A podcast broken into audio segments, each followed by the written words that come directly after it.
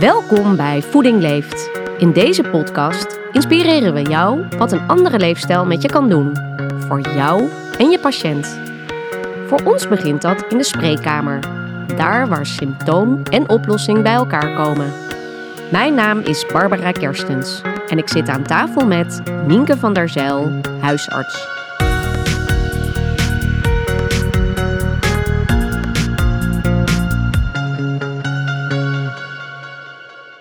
Welkom Nienke, leuk dat je er weer bent. Dankjewel. Je bent huisarts, gespecialiseerd in leefstijl. Ja. Betrokken bij Voeding Leeft, bij de ontwikkeling van nieuwe programma's. Ja. En ook bij Keer Diabetes 2 om. En je bent ook nog moeder van drie kinderen. Ja, klopt, ja. Dus eh, lekker bezig, zullen we zeggen. Ja, lekker bezig. En hoeveel dagen per week werk jij in de praktijk? Nou, ik heb drie dagen spreekuur. Drie dagen spreekuur. Ja, en met het hebben van een eigen praktijk komt er natuurlijk administratie bij ehm, en personeelszaken.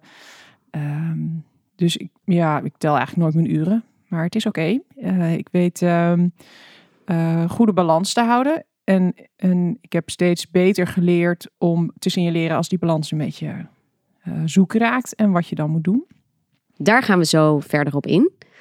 Wie zie jij nou gemiddeld op een dag in de spreekkamer? Nou, het is wel verschoven het laatste jaar. Uh, we zitten nu natuurlijk midden in, de coronacrisis. En um, waar we normaal gesproken in de winter heel veel mensen met griep zien en, en zieke kinderen met het RS-virus of oorontstekingen, uh, zien we dat nu veel en veel minder.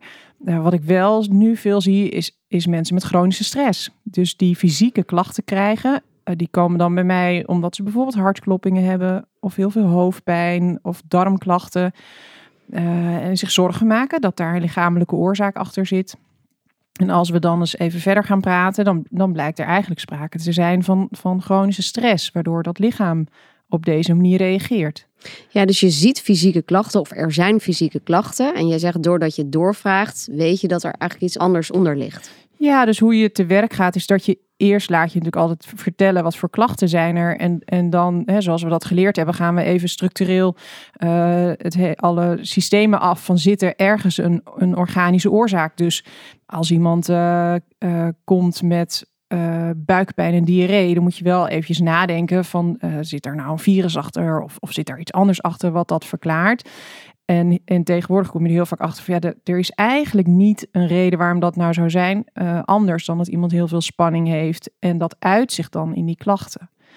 En, ja, en hoe werkt dat dan? Want je noemt de een heeft hartkloppingen, de ander heeft last van zijn buik. Ja, als je met mensen in gesprek gaat, uh, dan iedereen heeft eigenlijk zijn eigen spiegel. Uh, als hij uit balans is, als hij te veel stress heeft, uh, als hij niet goed in zijn vel zit, heeft iedereen zijn eigen orgaansysteem waarmee hij dat uit. Dus de ene krijgt altijd buikklachten, de ander heeft hoofdpijn, de ander krijgt nek- en schouderklachten.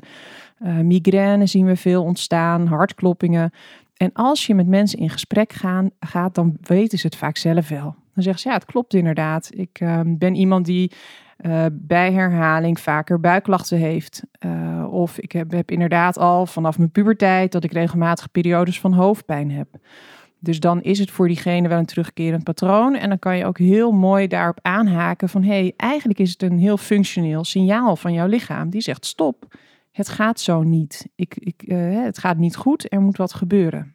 Ja, je zegt dus, dus stop zo niet verder. En je relateert dit ook, hè, dat er nu meer mensen door de crisis waar wij in zitten... dat er meer mensen met deze klachten komen. Waar hebben ze dan mee te stoppen? Nou, heel concreet uh, zie ik veel jonge ouders die en thuis moeten werken met kinderen om zich heen. Uh, gelukkig is nu zijn de scholen weer open en, en de kinderopvang. Maar het gebeurt heel regelmatig dat ze dan toch weer gebeld worden. Dat er of een juf getest moet worden of de crash dicht is. Of, uh, en dan moeten ze continu maar weer dealen met alle ballen in de lucht houden.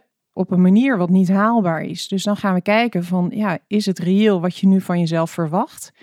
Um, wat deed je normaal om te ontspannen? Uh, vaak is, hè, zijn het toch alle sociale activiteiten die nu weggevallen zijn. Dus hoe zou je dat anders kunnen gaan doen?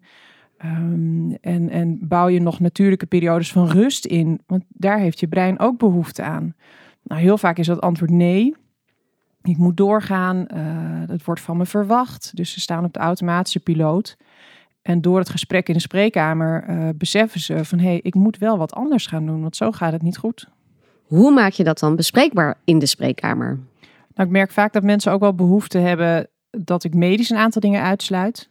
Dus vaak uh, zeg ik van nou, we gaan toch even bloed prikken of we gaan ehm, uh, ik doe lichamelijk onderzoek en we uh, meten bloeddruk en, en ik luister naar het hart. Dus, dus ik doe vaak een aantal medische dingen.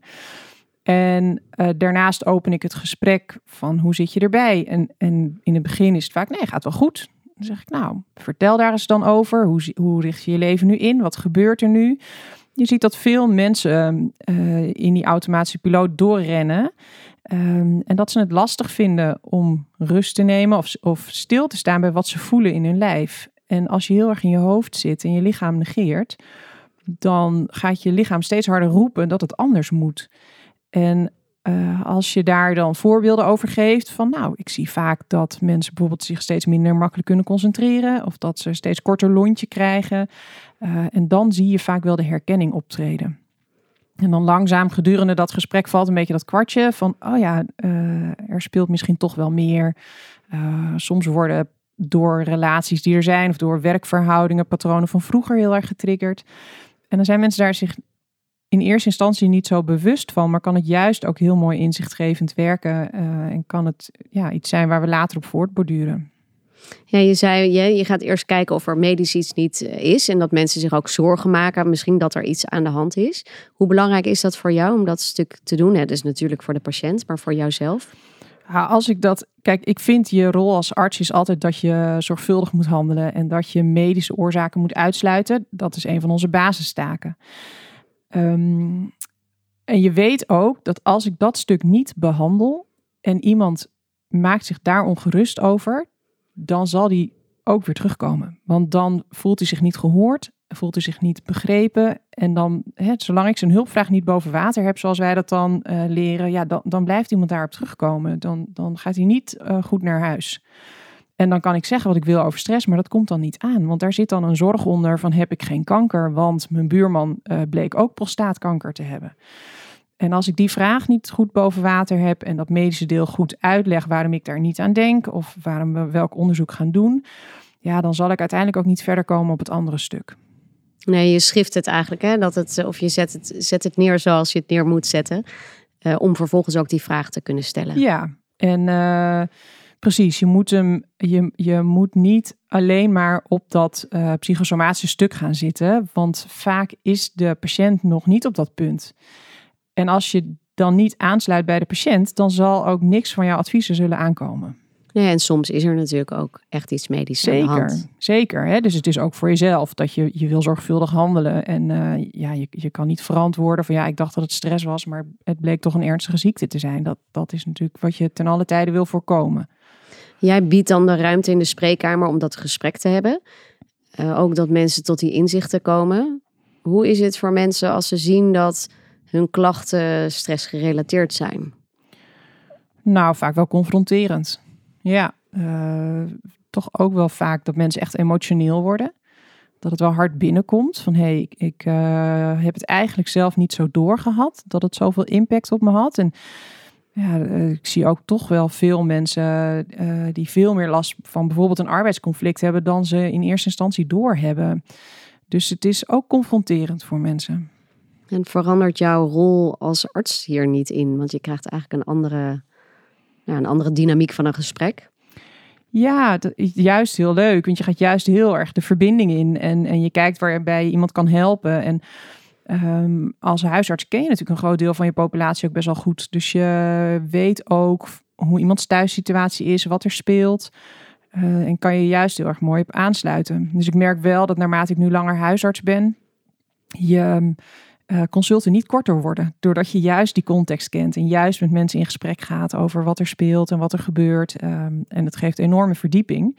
Ik vind dat alleen maar heel mooi aan mijn vak. De gesprekken worden niet korter. Jij zei aan het begin, ik wil ook mijn eigen balans houden. Hè? Of dat leer ik steeds meer. Maar hoe ga je daar dan mee om?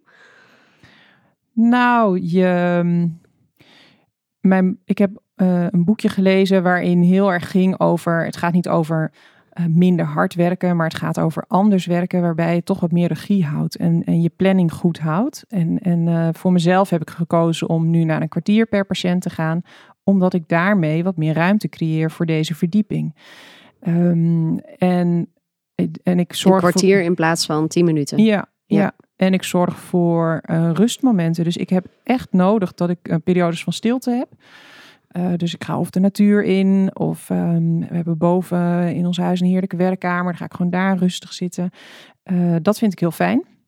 En dat heb ik ook nodig. Dus dit, dat plan ik in.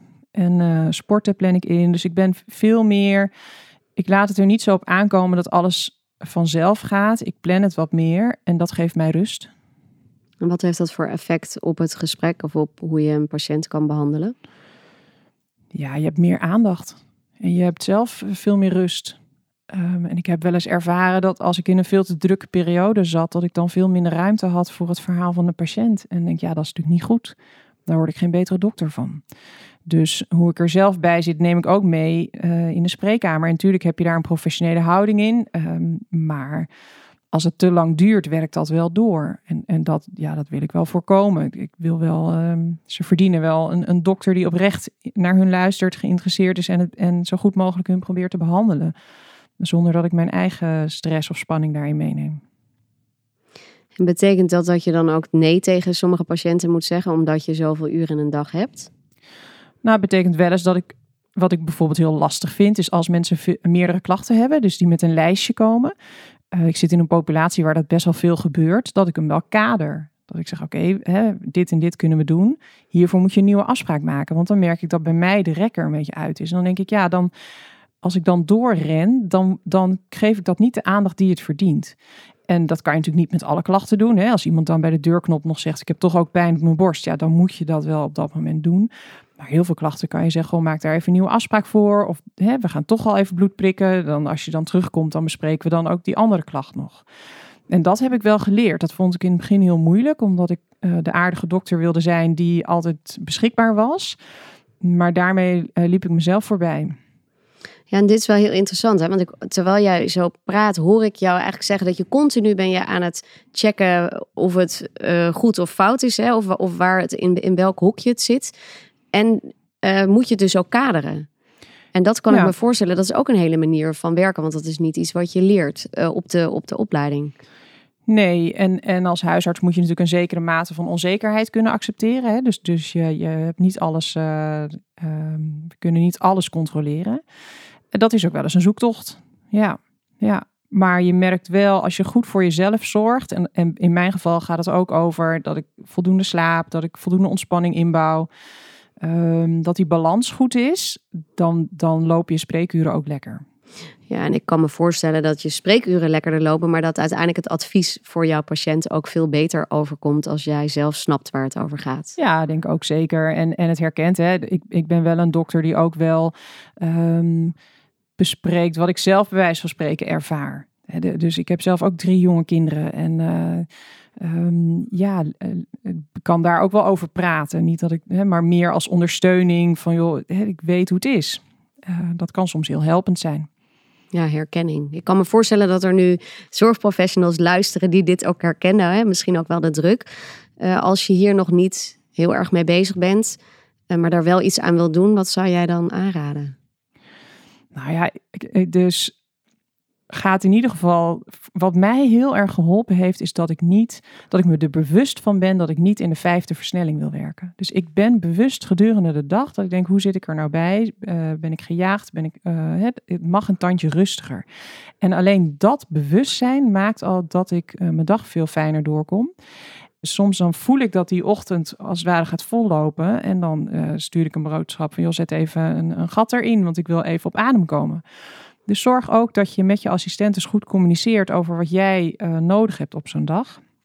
Ja, en, en ehm, ik kan concreet een boek noemen wat ik gelezen heb, maar ik denk niet dat dat zinvol is. Je moet gewoon voor- vooral voor jou kijken wat, wat, eh, wat, je, wat voor jou werkt. Ja.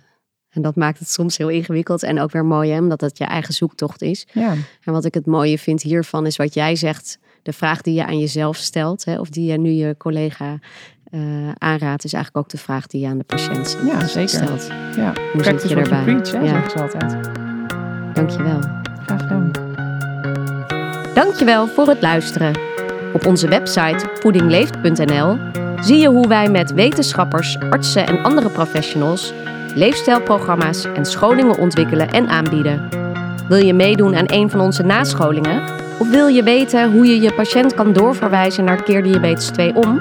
Ga dan naar keerdiabetesom.nl. Deze en onze andere podcasts zijn te beluisteren op Spotify en YouTube.